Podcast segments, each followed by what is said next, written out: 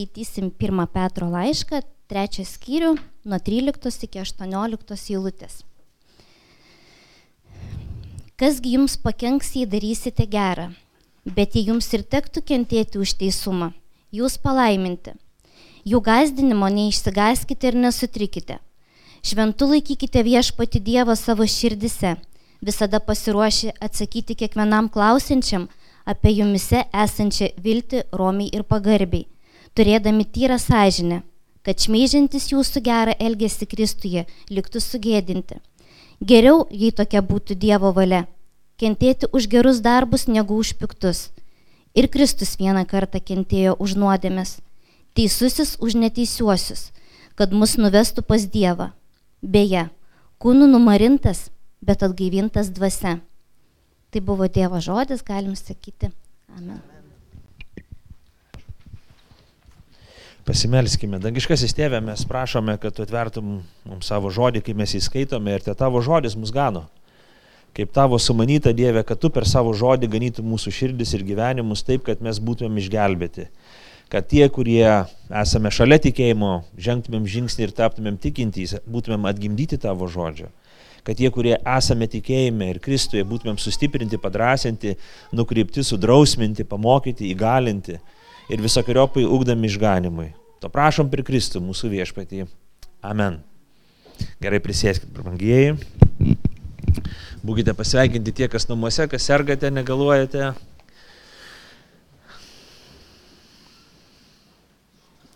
Mes toliau tęsėme mūsų ciklą ir mokomės mylėti savo bažnyčią. E, aš manau, tai, tai reikšminga ir svarbu kiekvienam iš mūsų.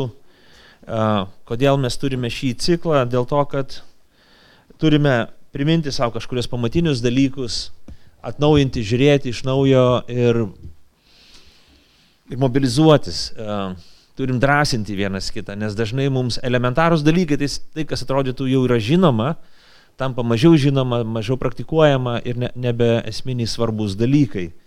Ir šventas raštas sako, kad yra toks daiktas kaip lengvai praizganti nuodėmė. Tai kaip kokie vijokliai, kaip kažkokie tai karklai, kurie lengvai auga, greitai, greitai dauginasi ir apima viską, kas yra jų aplinkoje, taip ir mūsų gyvenime. Nuodėmė, seni įpročiai, jeigu mes negaunam tų priminimų, jeigu nebūnam drąsinami, kreipiami šventą raštą, kreipiami Dievo žodį, ne, neformuojamas mūsų elgesys naujai ir naujai, mes linkę grįžti atgal prie prie e, nekrikščioniško savo gyvenimo būdo, pamiršti savo pašaukimą Kristuje ir, ir elgtis taip, kaip nesame mokomi per Evangeliją. Taigi mes remiamės Tony Merida knygą, mylėk savo bažnyčią ir jau turim septintą pamokslą. Kitą savaitę mes baigsim šį ciklą ir, ir tokiu būdu, aš viliuosi, būsim padrasinti e, ir įkvėpti e, gilintis į tai, ką, kaip, bažnyčia, e, kaip e, Biblija kalba, ką Biblija kalba apie bažnyčią ir būsim padrasinti e, gyventi labiau biblinį gyvenimą. Šiandien kalbam apie liūdėjimą. Apie tai, kad liūdėjimas, mes esam pašaukti liūdyti, būti liūdininkais. Ir tekstas, kurį mes skaitėme, kalba apie tai, kad pirmiausia mes esame pašaukti, kaip 13 eilutė sako, darykite gerą. Tai pirmiausia mes esame pašaukti daryti gerą, kai mes darome gerą, gerus darbus, kai mes elgiamės pagal Evangelijos mokymą, rūpinamės gerais darbais, žmonėms kyla daug klausimų, žmonės pradeda matyti tuos asmenys visuomenėje, kurie daro ger, gerus darbus. Ir tada jiems kyla klausimų. Ir Evangelijas sako, daryk gerą, rūpinkis gerais darbais. Ir kai žmonės paklaus tavęs, papasako Evangeliją tiem žmonėms, paklaus, kodėl tu tai darai, kas tave įkvėpia, kodėl tu rūpinasi gerais darbais papasako apie Kristų, papasako apie viltį, kurią turi jame. Ir apie tai mūsų, mūsų šios dienos pamokslas. E, kiekvienas bažnyčios narys, kiekvienas bažnyčios narys mes esame pašaukti būti liudyti, liudytojais. Neprofesionalus kažkokie paruošti teologai, pastoriai, bet kiekvienas bažnyčios narys yra pašauktas būti liudytojas. Kiekvienas iš mūsų darbo vietoje, darbo aplinkoje, parduotuvėse, kaiminystėje, šeimoje, polisio vietose sutinkame krūvas žmonių ir, ir mes esame pašaukti būti liudininkais jiems. Tuomet, kai atsiveria galimybės, tuomet, kai atsiveria Dievo sutiktos progos kiekvienam iš mūsų. Taigi mes esame pašaukti būti druska ir šviesa. Jėzus kalno pamokslė yra gerai pasakęs, evangelistas Matas yra užrašęs, Mato Evangelija 5 skyrius nuo 13 eilutės. Jėzus sako, jūs esate žemės druska, jei druska netenka surumo, kuogi ją reikėtų pasūdyti? Ji niekam netinka ir belieka ją išberti žmonėms sumindžioti. Jūs esate pasaulio šviesa, neįmanoma nuslėpti miesto pastatyto ant kalno. Ir niekas uždegė žiburį nevožė jo indų, bet stato žibintuvą, kad šviestų visiems, kas yra namuose. Taip tai šviečia ir jūsų šviesa žmonių akivaizdoje, kad jie matytų gerus, jūsų gerus darbus ir šlovintų jūsų tėvą, kuris yra danguje. Labai susišaukia su tuo, ką, ką Petras sako, kad mes esame pašaukti, mes paš, me, per Kristaus pašaukimą, per Evangelijos kvietimą mes gavome dovaną, kurią, kuri, kur, kurią išpakuoti reikia, nežinau, viso gyvenimo, visos amžinybės suvokti, kokį didelį išganimą mums suteikė viešpats, atleido visas mūsų nuodėmes, neįskaito nei vienos mūsų kalties, atleidžia visus mūsų nusižengimus, priima mus, demonstruoja mums melę, teikia malonę, duoda mums amžiną gyvenimą, daugybę, daugybę, daugybę dalykų, ne, įsūnyja mus, duoda mums prasme šitame gyvenime ir viltį, kuri, kuri mus įgalina šiandien drąsiai su pasitikėjimu gyventi. Ir mes kaip tikintieji, Dievo sumanimu, nesame pašaukti tik tai gauti tai ir tuo privačiai ar bendruomeniai džiaugtis. Bažnyčia, kaip ir paskiras tikintysis, Dievo tauta nėra pašaukti, mes nesame pašaukti savo džiaugtis tą Dievo dovaną, kurią mums jis davė. Mes, mes gavom tuos dalykus tam, kad dosniai galėtumėm tuo džiaugsmu dalinti su kitais. Toks Dievo sumanimas, tokia jo idėja, toks jo, tiesiog tokia jo mintis, taip jisai sumastė, kad Evangelijos šviesa ateitų žmogaus gyvenimą, ateitų bendruomenės gyvenimą, perkeistų to žmogaus, tos bendruomenės gyvenimą, pripildytų viltim šviesa prasme ir kad ta bendruomenė ar asmuo dalintųsi su kitais dosniai ir, ir, ir, ir ne, ne, neužspaustų savy. Ir paima Jėzus du palyginimus - druska ir, ir šviesa. Druska. Įsivaizduokit, jūs išeinate į kažkokią kelionę, į žygį ir kažkur įsidėjo druskos. Paprastai aš mėgstu labai druską tą rupę, žinot, tokia didesnis gabalė. Čia mano geriausia druska. Mes smulkiai naudojam tik tada, kai pasibaigia rupė druska. Man labai patinka. Ir tu įsidėjai druskos bet savo krepšį, kepdamas kažką ant ugnies ar ruošdamas kažkokį patiekalą, tu tiesiog nerandi. Ar nuvykęs į kažkokią svetimą vietą, Airbnb, išsinomavęs kažkokią tai vietą kitoje šalyje ar, ar kitame mieste, tu tiesiog nerandi druskos. Iš tos druskos nėra jokios naudos. Nėra jokios naudos. Kas, kad tu ją turi ten kažkur tašiai, nerandi jos, kažkur iškrito, neturi jėgų motivacijos jos atrasti Ji turi tam, kad ji duotų savo poveikį, ji turi atsirasti ant maisto, tam, kad ji pakeistų jo skonį, kad suteiktų tam tikrą kažkokią dimensiją tam maistui, kurį mes valgom. Iš kitos pusės, tuomet, kai nebuvo šaldiklių, nebuvo kondicionierių, nebuvo, nebuvo um, jokių šaldytuvų, toje visuomenė druska ir saugojo maistą, kad maistas tiesiog nepražūtų. Nes jeigu tu 30 laipsnių temperatūroje ar 40 laipsnių temperatūroje pavyzdžiui, paskerdėjai kokią nors uh, gyvulį paskerdėjai ir nori išlaikyti tam, tą mėsą ilgesniam laikui, tu privalai jį sūdyti, gausiai pasūdyti, kad jisai tas maistas išliktų, kad mėsa nepražūtų. Darba, darba druska atliks darbą tik tuomet, kai jinai prisilies prie kūno, prisilies prie mėsos ir įsigers į ją.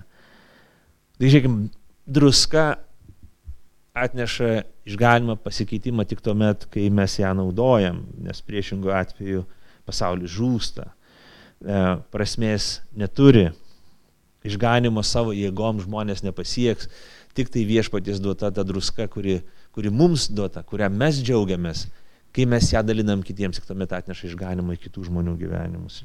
Lygiai taip pat su šviesa. Lygiai taip pat su šviesos dalyku. Jėzus naudoja šį, šį, šį dalyką, šį pavyzdį kai kurie iš mūsų, daugelis iš mūsų turim automobilius. Kai kurie iš mūsų esam tie dar tarybinių automobilių mylėtojai ir suformuoti mūsų įgūdžiai dar tarybiniais laikais, kai išvažiuoja iš kiemo, kaime važiuoja žmogus ir galvo, dar neįjungsiu šviesų, nes labai daug benzino naudoja. Ir jis nuvažiuoja iki miesto, žiūri, jau kažkur mirksi, kad bus policija arba mato ženklus ir žino, kad čia stovėt rikojas, tada įsijungia šviesas. Jis įstaupo, taip galvoja, pataupysiu biški benziną arba, arba saliarką. Arba kiti žmonės, žiūrėk, būna salonė lemputės, žinot, kaip darai duris ir užsidega lemputė salonė, tam, kad tiesiog apšviestų tau, kur tavo raktelė yra, kur dalykai, piniginė, kepurė ir pirštinės. Bet kiti žmonės iš skupumo tas lemputės išjungia ar išsuka visai, kad jos tiesiog nenaudotų elektros. Nes taupo. Kokia prasme iš akumuliatoriaus, energijos ir dalykų, jeigu tu ten grabaliojasi, nematai nieko, pameti akinius ar sulaužai juos galiausiai, nematydamas, kur kur kas yra, bet sutaupai elektrų. Jokios prasmės iš to nėra. Jeigu turim šviesą, bet jinai nešviečia, jeigu turim lemputę, bet jinai netlieka savo funkcijos, neturi jokios naudos. Jeigu mes turim šviesas, bet jomis ne, neparodom kitiems automobiliams, kad mes atvažiuojam, kad, kad yra kažkoks pavojus ir pėstiesiems, ir automobiliams, kokia iš to prasmė. Kasgi dabar, tarkim, esant dabartiniams, jau šiek tiek renta elektros kainom, kasgi dabar uždega šviesą ir uždeda dangti, kad nešviestų šviesa. Dabar taupom, visur išjunginėjom, viską junginėjom, viską naudojam, kad tik tai ekonomiškiau, kad tik nebūtų beprasmio eikvojimo. Taigi e, viešpatės sumanimas toks, kad Dievo tauta šviestų, Dievo tauta būtų kaip ta lemputė, kad ji būtų iki galo įsukta, kad mes ją naudotumėm. Mes pašaukti daryti gerus darbus. Krikščioniui yra malonu ir gera daryti e, gerus darbus. Krikščionis tokiu būdu įprasmina savo gyvenimą, savo egzistenciją.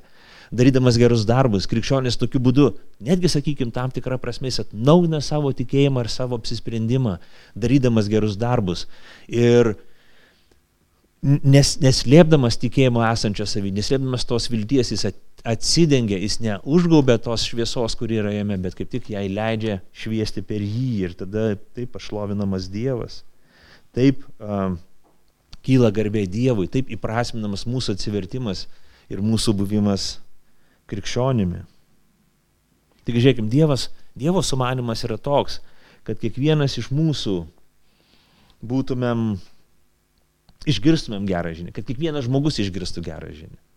Dievo sumanimas toks, kad kiekvienas žmogus išgirstų apie tai, ką Kristus padarė dėl jo, kad jo nuodėmės yra nuplautas.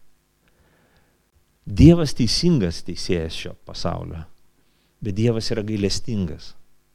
Dievas teis šį pasaulį, taip sako Evangelija, bet prieš tai Dievas siunčia sutaikinimo žinę, susitaikykit vaikai. Susitaikit, atgailaukit, grėžkitės nuo savo nedarybių, nusisukit nuo nuodėmės, ateikit pas mane per, savo, per mano sūnų Jėzų. Taigi Dievas nori, kad išgirstų žmonės šitą gerą žinę, kad patikėtų tą gerą žinę, kad priimtų tą gerą žinę kad ta gera žinia perkeistų jų gyvenimus, kad jie grėžtųsi nuo nedarybės į tiesą, nuo tamsos į šviesą, nuo beprasmybės į prasme, nuo nevilties, kad jie būtų išgydyti ir būtų pripildyti vilties. Galiausiai Dievas nori, kad patys krikščionis taptų gera žinia kitiems žmonėms. Kad Evangelijos žinia būtų įkūnyta jų gyvenimuose, veiksmuose, kasdieniuose pasirinkimuose finansuose, kaip mes tvarkom, kasdieniai, kasdien, savaitėje, kaip mes skiriam laiką, kad mes sakytumėm, o, aš noriu būti gera žinia kitiems žmonėms, aš noriu, kad mano gyvenimas būtų pripildytas geros žinios. Taigi, ir tada mes tampam tais liudytojais, kad liūdėjom Kristaus gerą išganimo žinę. Pasižiūrėkime detaliau į patį, e, į patį tekstą. Galit sakyti, ramūnai, gera tau kalbėti tu toks iškalbingas, toks komunikabilus, toks ekstravertas. Tarytumėt jūs žinotumėt iki galo mane, nu bet tarkim, tarkim. Tau tik duok pakalbėti. Valgyt neduok. Kas pažįsta mane, žino, kad valgyt man reikia duoti. Aš tai visai kitoks jūs sakysit. Dargi nepamirškim, kad tu pastorius, tai privalai kalbėti, čia tavo darbas, tai kad kalbėtum, kad čia įtikinėtum visus. O aš nemoku kalbėti, bijau senos, viešo kalbėjimo dar ne viską žinau apie krikščionybę, jūs pasakysit. Mano krikščioni, krikščioniškas gyvenimas dar šiek tiek toks ant vienos kojas, klibinšikuoja, nėra tobulas. Tai gal geriau aš susilaikysiu ir nepasakosiu kitiems. Gal aš toks šiek tiek būsiu tą lemputę atsuksiu atgal, kad nešviestų labai ryškiai, nes, nu, labai, kai akina man irgi nepatinka. Kartais mus gazina, kokia gal, gali būti visuomenės reakcija. Tarkim, jeigu aš pradėsiu čia pasakoti apie Jėzų, kaip prims bendradarbiai tą žinią, kaip mano artimieji sureaguos, supras, nesupras, galbūt atmes mane ir panašiai. E, Petras rašo šią eilutę, šį, šį laišką rašo e, krikščionim, kurie buvo persekiami. Krikščionim pirmame amžiuje. Ir pirmame amžiuje krikščionybė nebuvo apsidėkta su plojimais.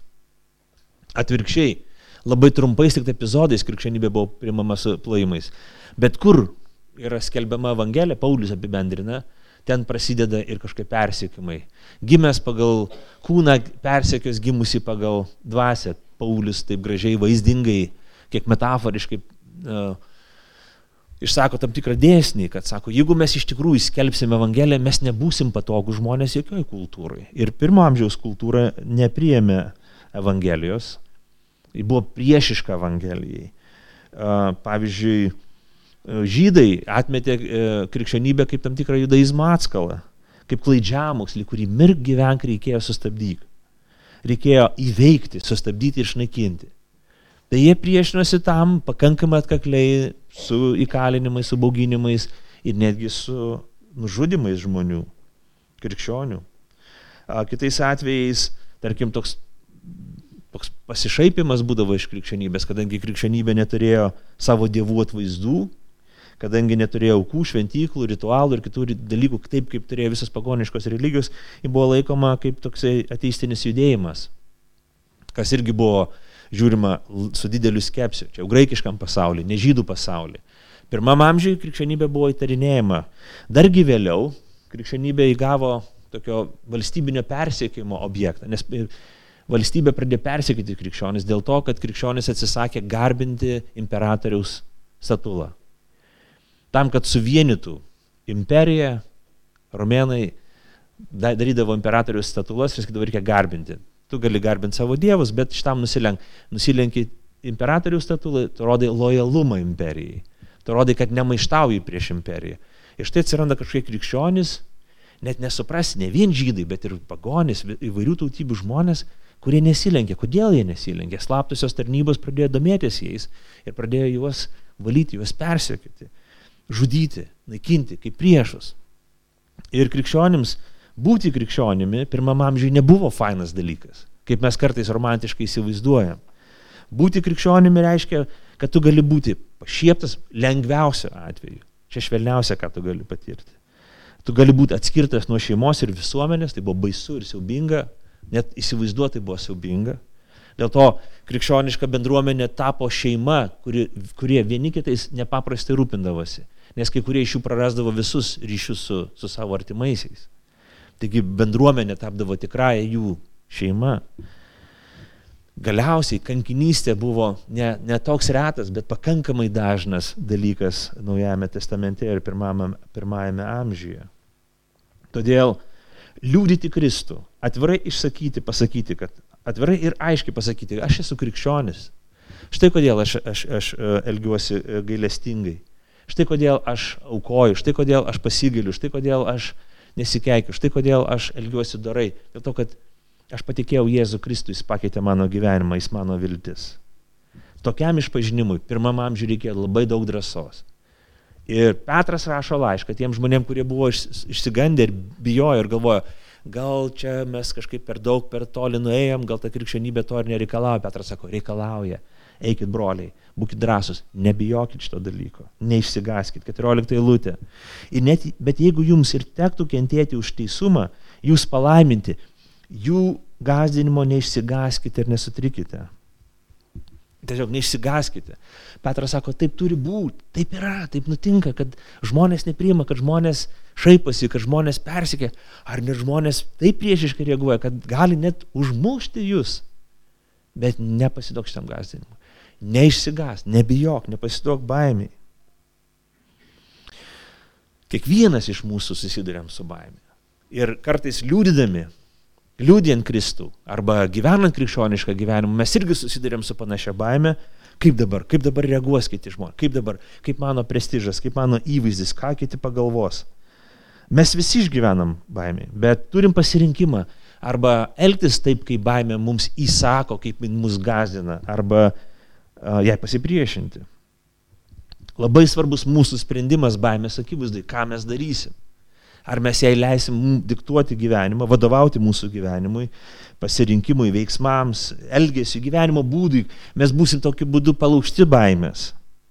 Ar visgi mes ją įveiksim, nepasiduodami, nekeisdami gyvenimo, atvirkščiai, tarytum stačia galva, pulsim į ją. Tu mane gazdė, aš specialiai elgsiuosi taip, kaip moko Evangelija, būsiu drasus ir ne, nebijosiu. Drąsiai ir be baimės gyvensiu pagal Evangelijos tiesą. Jei reikės, aš liūdisiu, papasakosiu, jeigu par, reikės prarasti savo ten prestižą, statusą, palauk, mano viešpats atpirkėjas Jėzus Kristus viską prarado, jis nuogai buvo išrenktas, sumuštas, apspjaudytas visų dėl mano nuodėmių.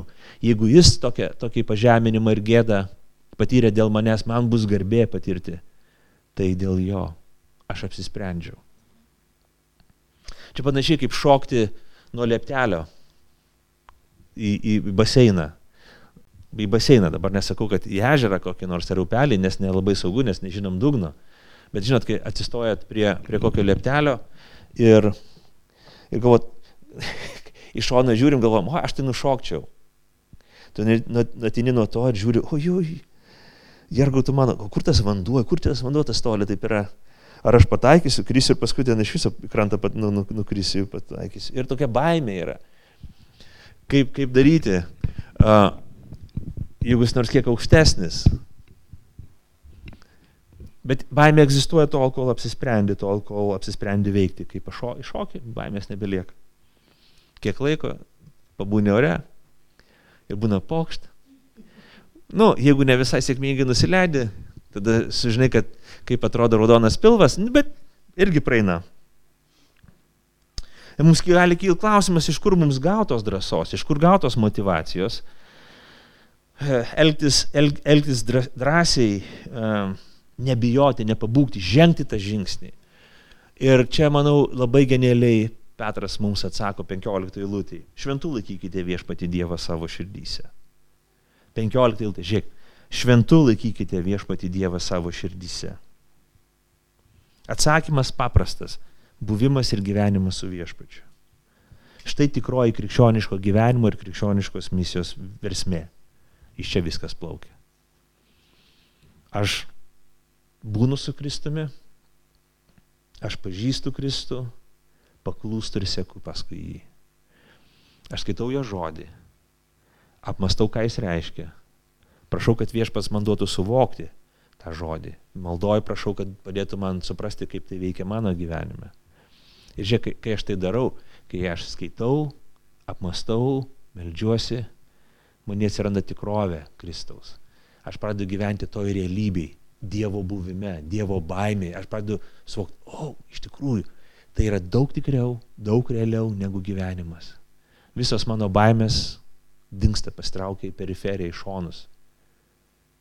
Kaip visi šešėliai, sauliai patekėjus, pasitraukia. Visos tamsos baimės dinksta. Kai saulė pradeda šviesti, mes galvom, kokia neracionali, kokia buka, kokia kaustinti, kokia iškreipinti realybė buvo nakties baime. Bet mums reikia šviesos, mums reikia Kristaus, mums reikia jo buvimo, mums reikia prisiso, prisisodrinti jo buvimo. Iš čia kyla visa mūsų motyva, iš čia kyla tikras krikščioniškas liūdimas. Reikit, mums reikia asmeniškai melstis, asmeniškai skaityti, asmeniškai apmastyti Dievo žodį. Bet taip pat reikia mums ir bendruomenės, kitų tikinčiųjų, kurie taip pat asmeniškai skaito, asmeniškai apmąsto, asmeniškai meldžiasi ir kad mes kartu skaitytumėm, apmastytumėm, melstumės, aptartumėm ir, ir būtumėm kaip bendruomenė.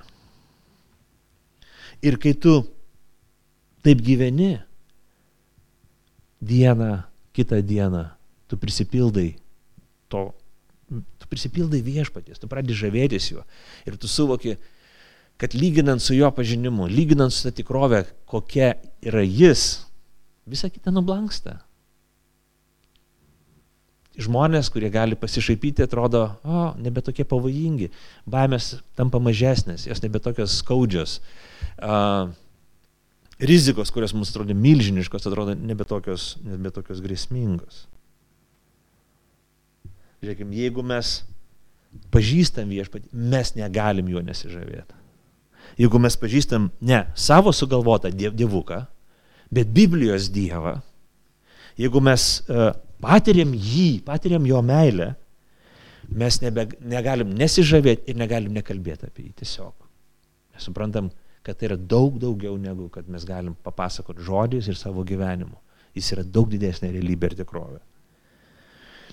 Ir čia, aš manau, geras pavyzdys būtų uh, pakalbėti apie panašų įspūdį išgyvena, nu, pavyzdžiui, moteris, mergina, kuri, kuri laukia, kuri, kuriai, pasi, kuriai pasižadėjo, pasižadėjo, pasipiršo jaunuolis.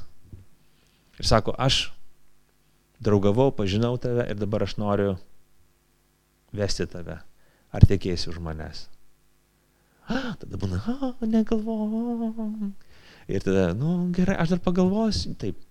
Ir tada uždeda žiedą ir ta, ta mergina prisipildo tiek daug emocijų, tiek daug susižavėjimo, tiek daug e, dalykų ir, ir negali nepasakot kitiems apie tai, kas, kas įvyko.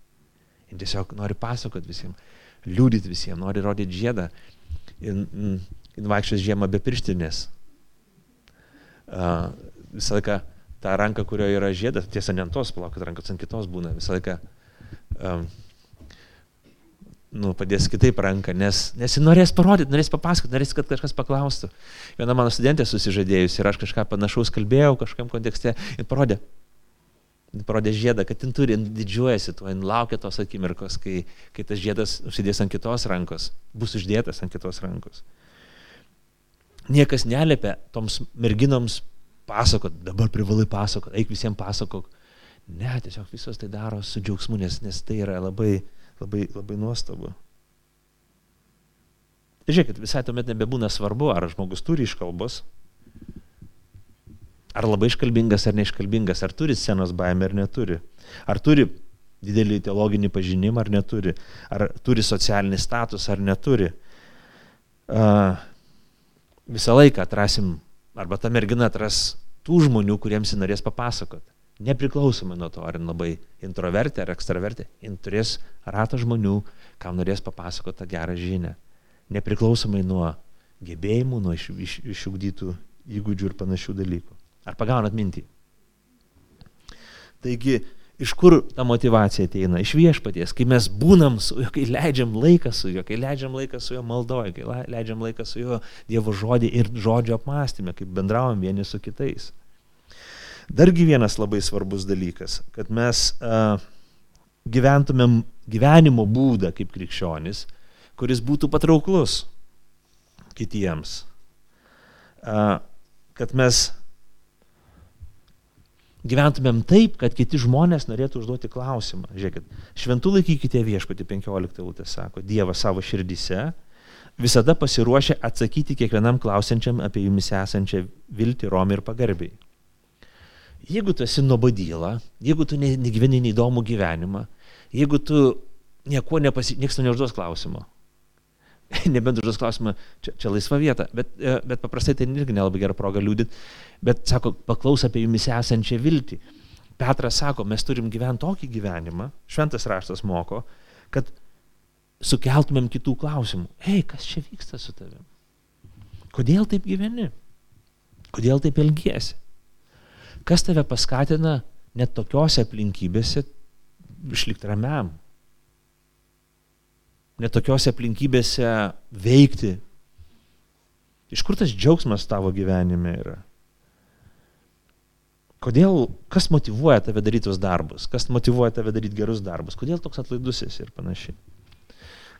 Aš prisimenu, kai vienas pastorius pasako istoriją ir jis pasako apie vieną bažnyčios uh, žmogų, jų bendruomenės narį, uh, kuris dirbo didelėje verslo organizacijoje ilgą laiką ir turėjo tokį labai solidų uh, įnašą į, tą, į tą įmonę. Jis buvo vienas iš aukštesnių vadovų, daug metų dirbo, buvo labai patikimas, solidus žmogus. Ir neseniai pradėjo dirbti ten žemesnėse, ženkliai žemesnėse pareigose viena moteris, kuri, kuri padarė tokių labai grubių klaidų, dėl ko įmonė patyrė dėlių nuostolių. Nu ir, aišku, įmonė tą suvokusi pradėjo ieškoti, kas čia dabar atsakingas už tai ir kaip reikėtų tas atsakomybės įvertinti. Ir tas vyras nusprendė, pažindamas, nu, žinodamas šiek tiek apie tą moterį, nusprendė dėl tam tikrų aplinkybių tiesiog priimti atsakomybę ant savęs, kaltę ant savęs. Pasakė, o čia aš tai padariau, čia aš atsakingas ir taip toliau. Jis ten gavo kažkokių nuobodų, kažkokių dalykų ir panašiai. Galiausiai ta moteris sužinojo, kad, kad, uh, kad dėl jos kalties kažkoks žmogus buvo padaręs nu, nusižengimą. Ne, ne, ne, dėl jos kalties gavo nuobaudą, atsiprašau. Ir tada kažkur priremė jį prie sienos ir sako, kas čia yra, kodėl tu tai padarai, kas čia vyksta. Ir tas žmogus sako, aš tiesiog, aš esu krikščionis, jis nenori, bet papasako, sako, aš esu krikščionis, aš patyriau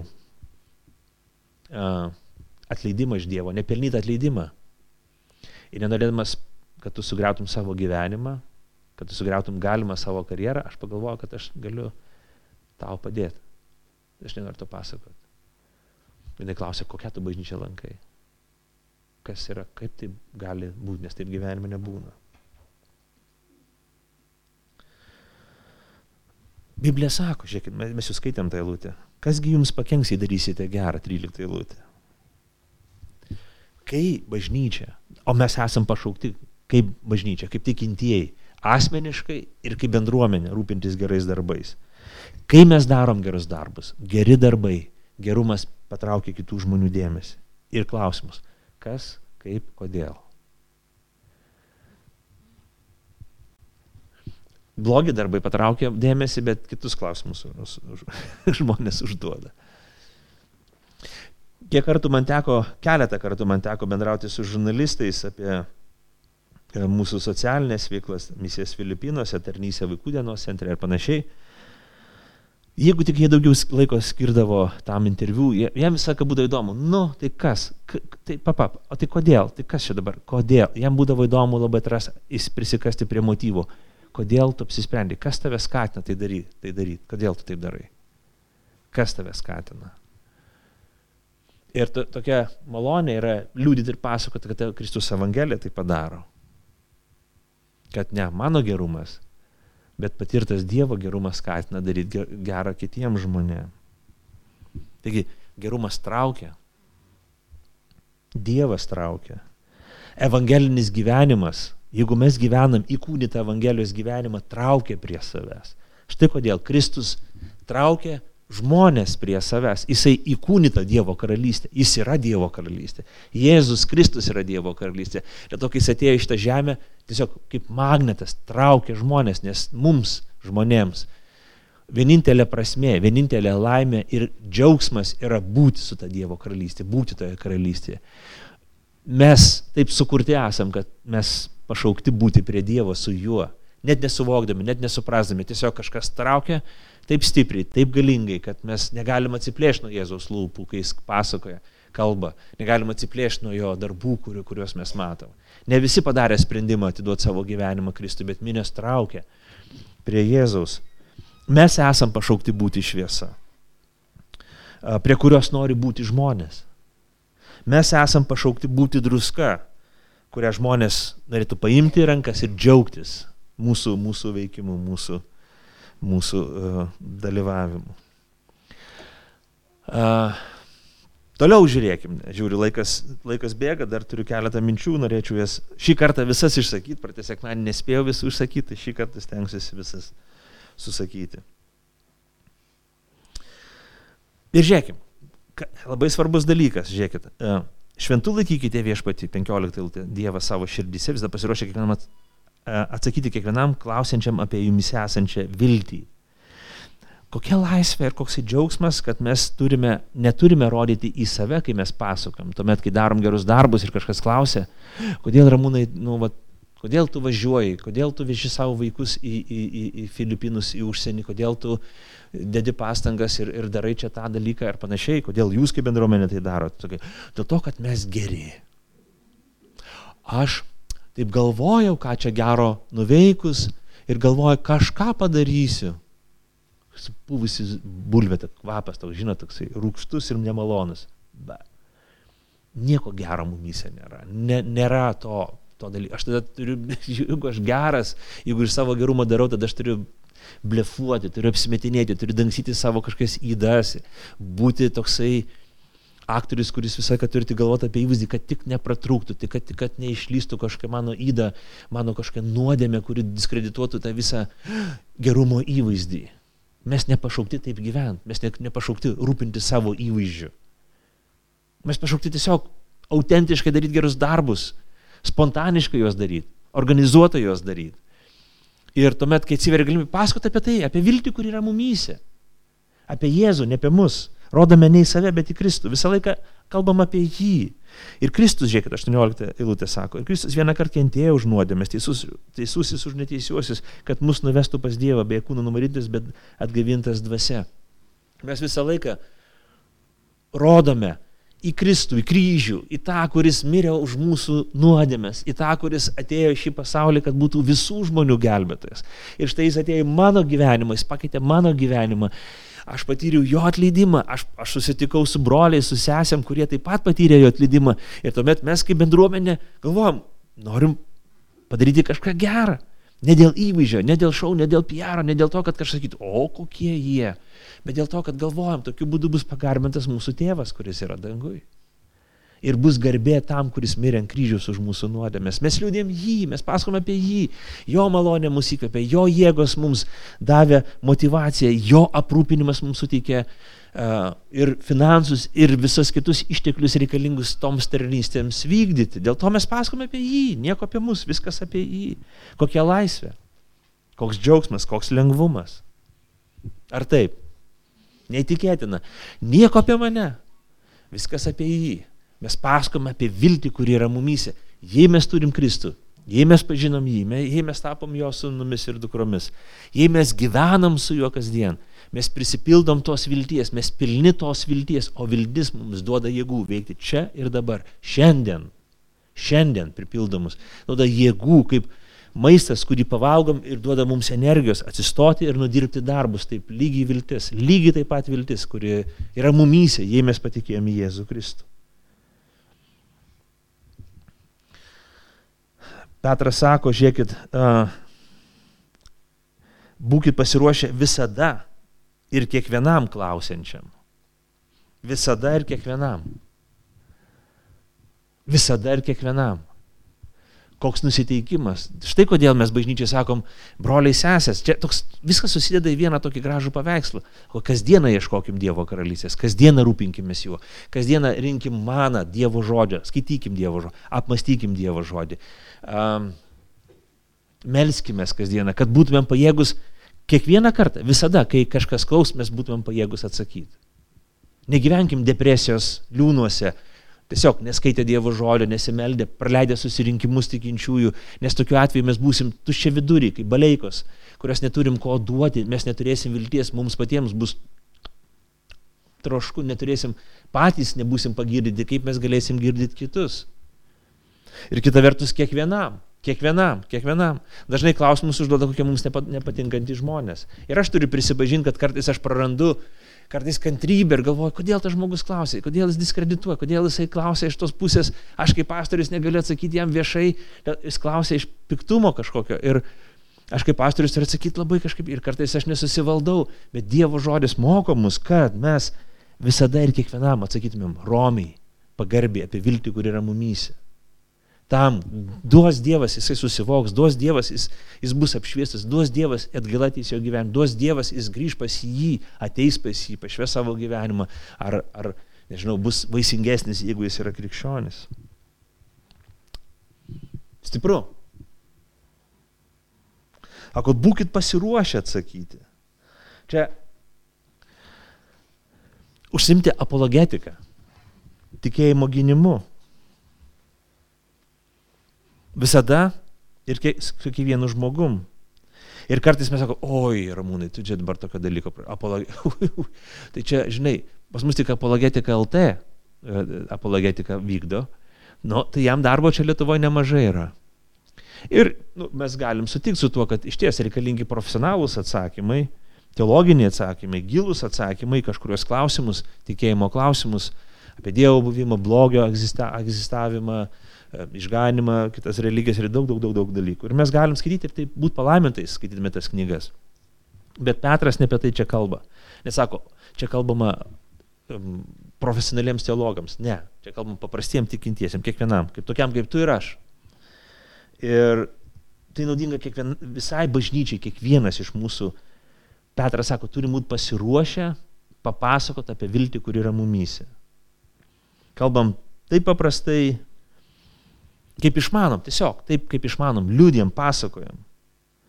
Biblija nesako, kad tu turi baigti uh, teologinę seminariją, institutą tam, kad galėtum atsakyti į, į, į, apie viltį, kur yra tavy. Ne. Tu turi turėti tą viltį. Ir turi prisipildęs tos vilties. Būna taip, kad žmonės baigia seminarės ir institutus ir būna tušia viduriai, keuri visiškai, turi pilną žinių, bet neturi nei kiek vilties. Bet gyvenant su viešpačiu, meldžiantis, skaitant, apmastant, gyvenant bendruomenės gyvenimą, rūpinantis gerais darbais, mes prisipildom tos vilties. Ir tau reikia tiesiog apie tai papasakot. Tiesiog reikia papasakot. Prisipildysi ir turėsi žodžių, kaip papasakot. Ne form, neišmokti formulės, kartais knygos reikalingos, bet reikia būti autentišku ir papasakot apie tai, kas yra tavy. Kaip ta mergaitė, kuri gavo sužadėtuvių žiedą. Jinai um, Jie nereikėjo kažko mokyti. Sako, o dabar gavau žiedą, dabar eisiu kursus, kaip reikia papasakoti apie tai, kad, kad man kažkas pasipiršo. Ne, tiesiog spontaniškai džiaugiasi, taip kaip gaunasi. Jeigu išsilavinusi, kažkaip gal o, labiau išsilavinusiai daro, jeigu mažiau išsilavinusiai, mažiau išsilavinusiai daro, jeigu e, labai ekstravertė, ekstravertiškai tai daro, jeigu tokia, nu, santuri, jin santuriau, bet tai daro. Ne įtikinantis argumentai, bet nuoširdus liūdimas kuris patvirtinamas gerais darbais ir gyvenimo būdu. Jisai yra geriausias, geriausias liūdimas. Tonė Merida sako, kad būtum efektyvus liudytojas, tau reikia daugiau, tau nereikia daugiau iš koto verčiančių argumentų ant popieriaus lapo. Tau reikia džiaugsmingos giesmės tavo širdį. Žiūrėkit. Kad būtum efektyvus liudytojas, tau nereikia daugiau uh, iš koto verčiančių argumentų ant popieriaus lapo. Tau reikia džiaugsmingos giesmės tavo širdį. Tau reikia daug daugiau nei loginių atsakymų. Tau reikia širdies, kuri žadėtų, žavėtųsi Kristumi. Kad būtum geras liudytojas, pirmiausia, tau reikia garbinti Jėzų ir prisipildyti viltimi. Kiekvienas krikščionis gali toks būti. Ką tik krikščionimi tapęs žmogus be jokio teologinio, biblinio pasirengimo gali spinduliuoti uždegančią krikščionišką viltimi. Evangelizmas nėra skirtas specialių pajėgų krikščionims, bet kiekvienam, kuris yra pertikęs Evangelijos vilties. Tiesiog prisipildyti viltim, prisipildyti viltim. Aš jau beveik į pabaigą einu. Dažnai mes įsitempiam ir galvojam, Tai kaip, tai kaip čia reikia dabar ramiai, protingai, racionaliai, kaip čia reikia dabar pasakoti, liūdėti apie tą viltį, kuri yra mumyse. Tonė Merida labai skatina mus, aš manau, čia labai teisinga, tiesiog būti savim, neimituoti kitų, nekopijuoti, nekompleksuoti, nežiūrėti į kitus. Kažkas iš mūsų esam labai ramus, kažkas esam protingi, kažkas esam drąsus, kažkas iš mūsų labai jautrus, kažkas esam labai svetingi kažkas esam dosnus, kažkas išvalgus, kažkas emocingi, gebantis suprasti kitų emocijas, empatiški. Kažkas iš mūsų malonus, kažkas turi gerą humoro jausmą, kažkas yra kaip roko žvaigždės, kažkas yra patrauklus, kažkas yra gražus. Ir kažkas ne. Mes skirtingi esam. Kiekvienas yra skirtingas. Ir Dievas, žiūrėkit, čia labai svarbu, Dievas sumanė, kad kiekvienas iš mūsų pagal tai, koks mes esam, pagal tą temperamentą ir mūsų būdą, kad kiekvieną Dievas iš mūsų naudotų tokį, koks mes esame. Bažnyčia neturi būti pastoriaus klonai, visi tokiais pat bairiais kalbėti. Siaubas koks būtų. Siaubas. Mes esam labai skirtingi ir turim džiaugtis tuo skirtingumu. Ne veltui Dievas mus pašaukė labai skirtingus Tam, kad mes bendraudami su tai žmonėm, savo šeimoje, savo aplinkoje, darbė, kitose vietose, mes būdami tokiais, kokie esame, galėtumėm būti palaiminimu ir galėtumėm liūdyti viltį, kuri yra mumyse. Tonė Mirida sako, nepamokslauk savęs. Mums nereikia pamokslauti savęs, mums nereikia liūdėti apie save, mes pasakome apie Jėzų Kristų. Bet sako, bet būk savimi. Nepamokslauk apie save, nepasakok, nerodyk į save. Bet kai liūdėjai, nebijok būti savim. Jeigu moki pasakyti bairį, reiškia, kiek turi sveikatos. Gerą, padoro, aišku. Bet nebijok savo humoro jausmo. Nebijok šarmo, kurį tu turi. Jeigu tu esi ramus, būk ramus. Jeigu tu esi labai logiškas, būk logiškas. Jeigu tu esi introvertas, kalbėk iš savo citadelės. Jeigu ekstravertas, bendrauk su milijardu žmonių. Gali net ir su milijardas kablelis penki žmonių. Kalbėk, bendrauk. Nebijok būti tuo, kas, kas, koks esi. Taip, toks Dievo sumanimas. Toks Dievo sumanimas. Nu ir visai pabaigai, aš keletą minčių, ką mums reikėtų daryti. Uh,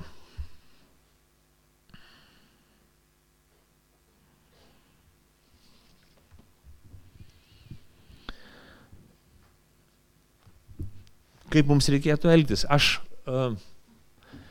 gal Dievas naudoja pačius įvairiausius dalykus, instrumentus, įrankius, kaip jisai mus naudoja bažnyčia, naudoja tikinčiuosius bažnyčios e, evangelijos skelbimui, evangelizacijai. Kartais mes darom didelius renginius, kartais mes e, darom renginius gatvėje ir panašius koncertus ir, ir kitus dalykus. Bet istoriškai efektyviausias dalykas, vadinkim, metodas, jeigu taip galim pasakyti, tai buvo per, per tikinčiųjų ryšius ir aplinką, kai tikintieji tiesiog dalinasi savo rato žmonėms, viltim, kur yra juose. Taip darė pirmo amžiaus bažnyčia, taip darė per amžius uh, bažnyčia. Uh, taip greičiausiai didžioji dalis ir jūs atėjot pas Kristų. Tiesiog per pažįstamus žmonės, kurie nebuvo jums abejingi, kurie skiria jums laiko, kurie meldėsi už jūs, kurie rūpinosi jumis ir kad papasako, kad Jėzus yra išganimas. Sakot, o aš paskaitysiu, aš ateisiu, aš galbūt priimsiu, aš pasikrikštysiu, aš pašvesiu savo gyvenimą. Ja. Dėl to mes esam, mes esam kviečiami galvoti, kad aš kasdienybei, tam kasdienį gyvenimą, kurį gyvenu, rūpinčiausi tuo, kad man, manį esanti druska, jinai kažkaip pasiektų tos žmonės esančius, kad manį esanti šviesa šviestų, kad aš būčiau pasiruošęs, pasiruošęs žmonėms papasakoti apie Kristų. Savo šeimoje, nes gali būti, kad šeimoje ne visi yra pašventę savo gyvenimą Kristui, savo kaiminystėje, ten, kur aš gyvenu. Nes gali būti, kad ten ne visi krikščionys, ne, ne visi žino, kad aš esu krikščionis. Savo darbo vietoj. Nes mes turim skirtingus darbus, bet turim bendradarbius, kurie nepažįsta Kristaus. Polisio, pramogų vietoj, komercijoje, prekybivietėse arba paslaugų sektoriuje, kur mes einam pas kirpėjus. Aš tiesa neinu pas kirpėją, aš turiu vieną gerą kirpėją pat save. Bet va, bet žiūrėkit, jūs labiau apdovanoti, turi daugiau dovanų Dievo negu aš. Viešpats mažiau darbo turi skaičiuoti, plaukas, kaip sakėt, kad skaičiuoja visų.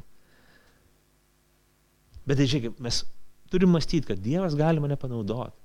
Pagal mano temperamentą, mano dovaną. Man svarbiausias dalykas yra koks - turėti ryšį su juo. Apmastyti jo žodį, džiaugtis Evangeliją ir būti pastabiam. Pažiūrėti, ar iš tikrųjų nėra žmonių šalia tų, kuriuos viešpats galėtų paliesti.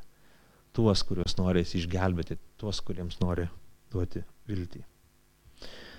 Tony Merida sako, melskis už tokius žmonės. C.S. Lewisas turėdavo du sąrašus. Jis sakydavo, aš turiu du sąrašus maldų.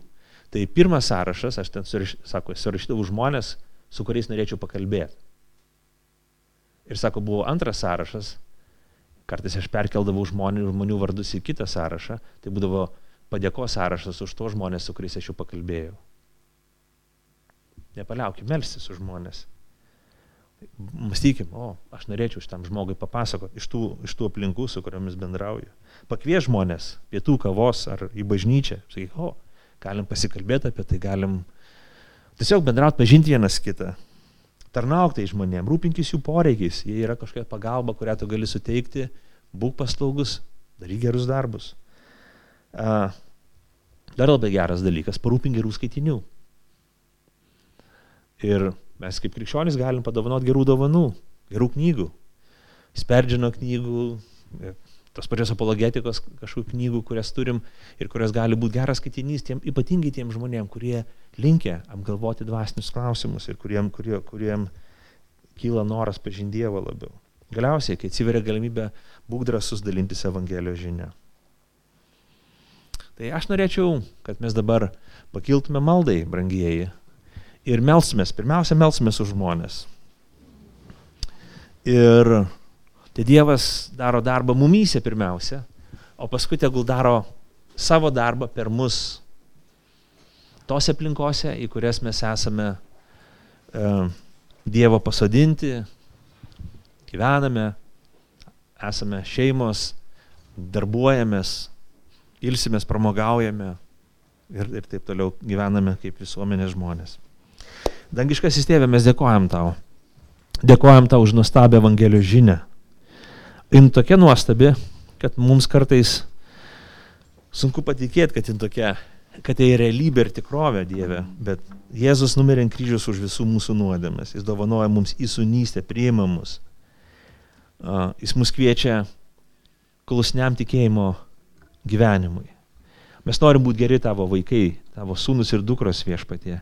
Tad pamokyk mus šiandien tų tiesų, kurias mes skaitėm šventam rašte ir apie kurias apmastėm, girdėjom Dievę. Ir um, padėk mums dabar nukreipti savo maldą už žmonės, kurie yra aplink mus viešpatie. Kad mes pastebėtumėm juos. Meldžiam Dievę, kad jų gyvenime mes matytumėm tavo malonės veikimą, kad mes galėtumėm prisidėti ten, kur galim, pagalba, palaikymu, gerais darbais. Viešpatie, duok mums išmintį ir supratimą, kai, kai atsiveria progos, kai mes matom, kad yra atviros progos, duok mums malonę kalbėti, maloniai, bet ne, nebijant būti savim, tokiais, kokie mes esam. Drąsiais, jeigu esam drąsus,